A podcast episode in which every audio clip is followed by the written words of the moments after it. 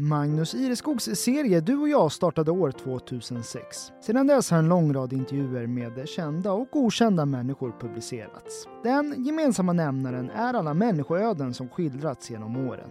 Nu släpps intervjuerna även i poddformat, inlästa av Magnus Ireskog själv. Det här avsnittet det handlar om juristen Per Sundberg och eh, smaklösa rösten Pelle Sundba, samma person men två skilda roller.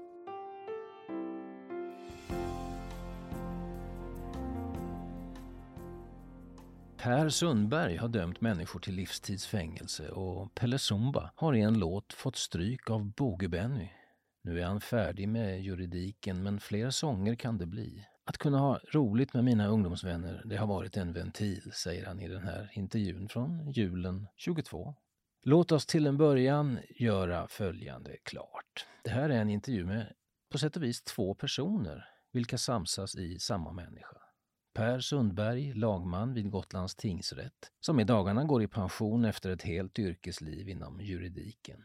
Och Pelle Zumba, röst och sångskrivare i kultförklarade poporkestern Smaklösa, som ända sedan tonåren lockat till skratt tillsammans med sina uppväxtkamrater. Sällan har de två förekommit i samma intervju, men den här gången får vi ta del av båda sidorna, nu när han alltså står i begrepp om att gå i pension som jurist. För vi vill ju verkligen veta vilket straff Boge-Benny skulle få om han hamnade inför rätta. Han som slog sönder ett tandgarnityr och bjöd på en lufttur där det gick att se Visby från ovan i den låt som heter just Boge-Benny. I hela sitt yrkesliv har Sundberg arbetat inom juridiken de senaste knappa tre åren som lagman vid Gotlands tingsrätt. Men nu är det över och det slutade med ett crescendo. Ett välbevakat terroristmål. Vi kommer till det. Några problem att hålla isär sina olika roller har han aldrig haft. I tingssalen är han strikt och rak, slipsen på. Men det har hänt att de som står inför skranket inte kunnat låta bli att kommentera vem som lett förhandlingen. Det här kan du väl skriva en låt om nu, var det en som sa en gång när allt var över, minns han. I den många fall mörka värld han vistas i, många mål har ju rört misshandlar, mord och andra tragedier, har den lilla poporkestern som bildades under gymnasieåren fungerat som en ventil. Att få spela, latcha, sjunga om bönder och brott och den gotländska folksjälen och inte låta fantasin gå förlorad har varit av godo. Ja, men är det inte det för alla människor, tror du, säger han, att ha något vid sidan om jobbet? Jo, det är det förstås, men i ditt fall är det två vitt skilda och samtidigt offentliga sidor. Ja, jo, det är väl så, men vi har dragit ner lite på det mest galna. Vi får påminna varann ibland att vi faktiskt inte är studenter längre. Och vi klär inte ut oss lika vådligt som förr, skrattar han. Den sista december slutar Per alltså tjänsten som lagman efter knappt tre år på posten. Han började i juni 2020 då han närmast kom från en tjänst som hovrättsråd på Svea hovrätt i Stockholm. Jag hade varit där i 14 år och tyckte det kunde vara kul att testa något nytt och dessutom få avsluta yrkeslivet där allt började. Sen ska man ju ha klart för sig att det skiljer mycket. På hovrätten är man alltid tre juristdomare i varje mål och här i tingsrätten håller man i allt på egen hand. Men lika mycket var det hemlängtan som drog honom åter till ön. Visby, staden där han växte upp som ett av fem syskon och som han alltjämt hyser stor kärlek till. Inte minst syns han flitigt i nostalgiska Facebookgrupper. Trots alla år i huvudstaden rotade han sig aldrig riktigt, säger han. Som att allt bara var en väntan på den bortre parentesen. För Gotland är ditt hemma, eller hur? Visst är det så? Ja, det är väl det. I känslan har det alltid varit så. Åtminstone är det inte Stockholm, även om jag borde inse att det är där jag bott eller bor eller hur det nu är. Han och hustrun Lotta bor för närvarande på båda ställena. Som allra mest jordad känner han sig vid fritidshuset i Gammelgarn. Genom alla år har han hållit koll på hemön, bland annat genom att dagligen läsa Gotlands tidningar.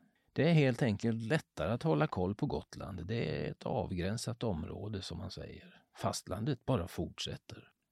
Vi ska till terroristmålet i Gotlands tingsrätt och även det tunga mål där 18 personer i det så kallade Södertäljenätverket stod åtalade för tre mord och där han satt som domare i hovrätten.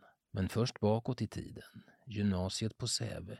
Pelle var inget vidare på siffror så jag tänkte det får väl bli något jobb på något kontor där bokhyllorna är fyllda med pärmar, minns han. Och så blev det verkligen. I rummet på tingsrätten, det han nu håller på att tömma, är bokhyllan verkligen full av böcker och, jo, pärmar. Han pluggade juridik i Uppsala, det var det sena 70-talet. Han använder ord som roligt och spännande om sin studietid. Sitt första jobb hade han faktiskt på Gotland. 1979 var han sommarnotarie, ett sommarjobb under studietiden. Som färdigstuderad 1981 blev han tingsnotarie vid Gotlands tingsrätt. Sen följde en mängd internutbildningar. Nej, vi ska inte gå igenom allt, men 1989-90 vid tiden för kassetten Skrik och skrän fick han tjänst som eh, tingsfiskal, också det på Gotland. 11 år i regeringskansliet som ämnesråd på justitiedepartementet, tre år som verksjurist på krisberedskapsmyndigheten och från 2006 och framåt, då han började på Svea hovrätt, har han varit domare. Och då, Pelle, eller om det är Per, följer den lika enkla som kanske svåra frågan. Hur är det att vara domare? Och det är väl Per som sitter och funderar en stund i tjänsterummet där vi sitter. Han tittar på guldklockan, den han fick för tio år sedan för nit och redighet i rikets tjänst. Hon är strax efter ett. Det följer med en del makt, så är det. Man är av staten utsedd att besluta de mest ingripande åtgärderna i en människas liv. Men ingenting går på rutin. Det är allt från hastighetsöverträdelser till terroristmål. Det finns mycket att leva upp till, säger han. Ett förtroende att förvalta, att avgöra vad som är bevisat eller inte bevisat.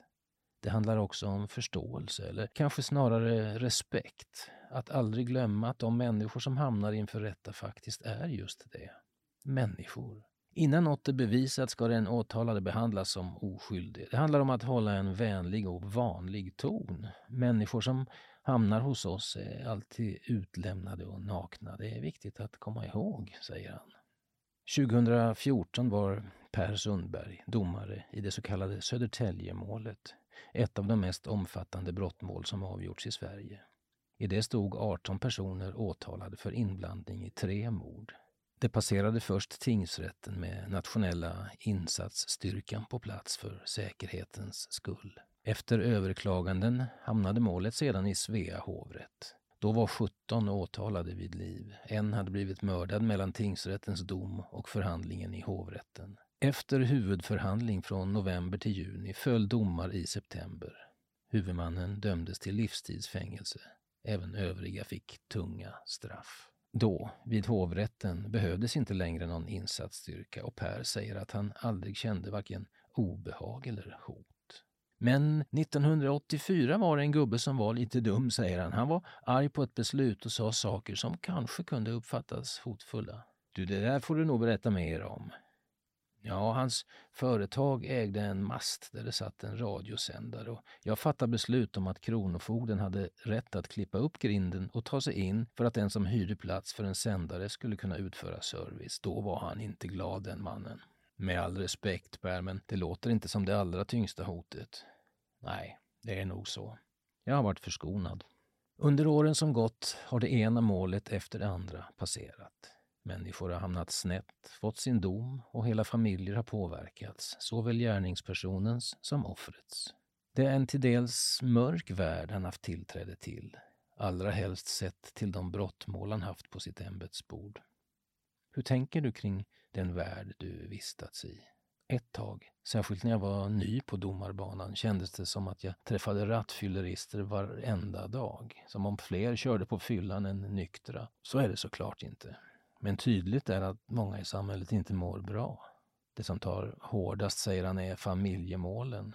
Det är många tunga detaljer och ofta inte någon tydlig bevisning. Man tycker aldrig det blir rätt och det blir det kanske inte heller. Det går ju inte, säger han.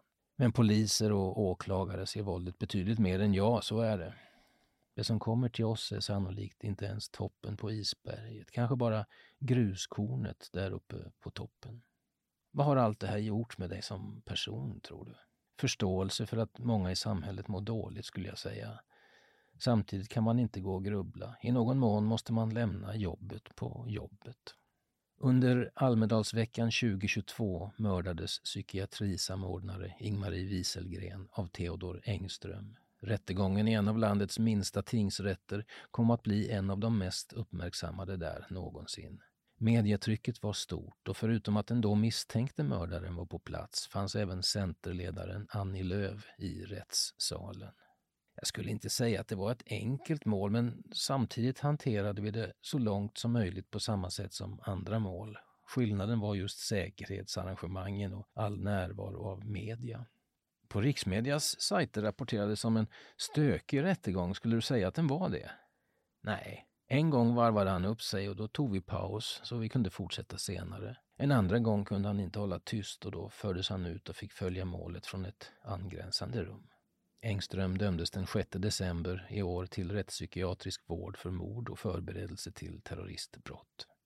Per upplever att rättegången gick som förväntat, liksom övrigt arbete i tingshuset där vissa mindre mål handlades samtidigt. Han vänder sig dock mot att en del media gjorde ett nummer av att tingsrätten är liten. Så liten är den inte och det var inte ens fullsatt här. Och att Gotland skulle vara en sömnig plats, vilket också framkomligt mellan riksmedia raderna stämmer inte heller. Låt vara att gängkriminaliteten inte nått rättssalen, men bland det första jag fick handlägga, säger han när jag började som lagman, var ett mord, det i Gråbo. Och bland det sista var Almedalsmordet. Och minns du bröderna Schulman? frågar han och nämner hur de en gång slog ihjäl vad de trodde var en farlig orm som visade sig vara en hasselsnok. Det anmäldes men ledde aldrig till åtal. Dock skräddes inte orden i Schulmans krönikor. Gotlandspolisen framställdes som tröga och bonniga vilda västern-sheriffer som sitter med fötterna på bordet och spottar tuggtobak. Så är det naturligtvis inte, säger Per Sundberg. Det besynnerliga med de dagar terroristrättegången pågick var att han då tvingades vara såväl Per som Pelle. Under helgen, efter två rättegångsdagar, hade nämligen Smaklösa releasemingel för boken Smaklösa, ett liv i oväsendets tjänst. Långt ifrån planerat att det skulle sammanfalla, men så kom det att bli. Strikt och stram i rätten, en galen gamäng med guld i glasen under lördagskvällen. Frågan är om det på en liten ort som Gotland inneburit problem att skilja på Per och Pelle. Inte för honom själv, men kanske för andra. Jag menar, om jag kör för fort och blir dömd av dig, det skulle kännas udda.